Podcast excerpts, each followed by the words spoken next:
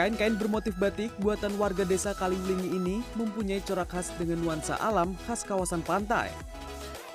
Dengan warna dasar agak gelap, beragam gambar motif ditorehkan.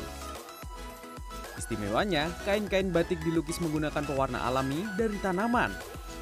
Ya, kelompok batik warna alam Dewi Mangrove Sari memproduksi batik warna alam karena adanya kawasan wisata mangrove. Kawasan pesisir Dukuh Pandansari, Desa Kaliwlingi, Kecamatan Brebes, Kabupaten Brebes, Jawa Tengah ini memang menjadi salah satu wilayah yang memiliki bahan baku pewarna alami dalam jumlah melimpah. Tanaman-tanaman seperti tarum atau tom, putri malu, dan mangrove bisa menghasilkan warna yang bagus. Tarum bisa menghasilkan warna indigo biru cerah, putri malu bisa menghasilkan warna kuning daging, sedangkan mangrove menghasilkan warna merah gelap.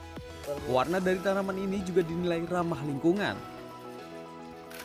Ramah lingkungan terus di kulit juga adem terus eh, eh, nggak iritasi.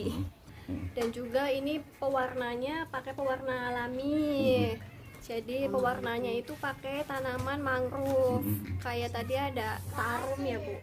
Tarum putri malu terus oh, bakau juga. Jadi ini nggak pakai pewarna sintetis. Pewarnanya itu eh, eh, pewarnanya alami jadinya ya ramah lingkungan aman jadi di kulit itu adem nggak gatel juga Untuk mengolahnya, tanaman tarun cukup direndam air dan ditimpa batu kapur selama 15 jam hingga menghasilkan pasta pewarna biru.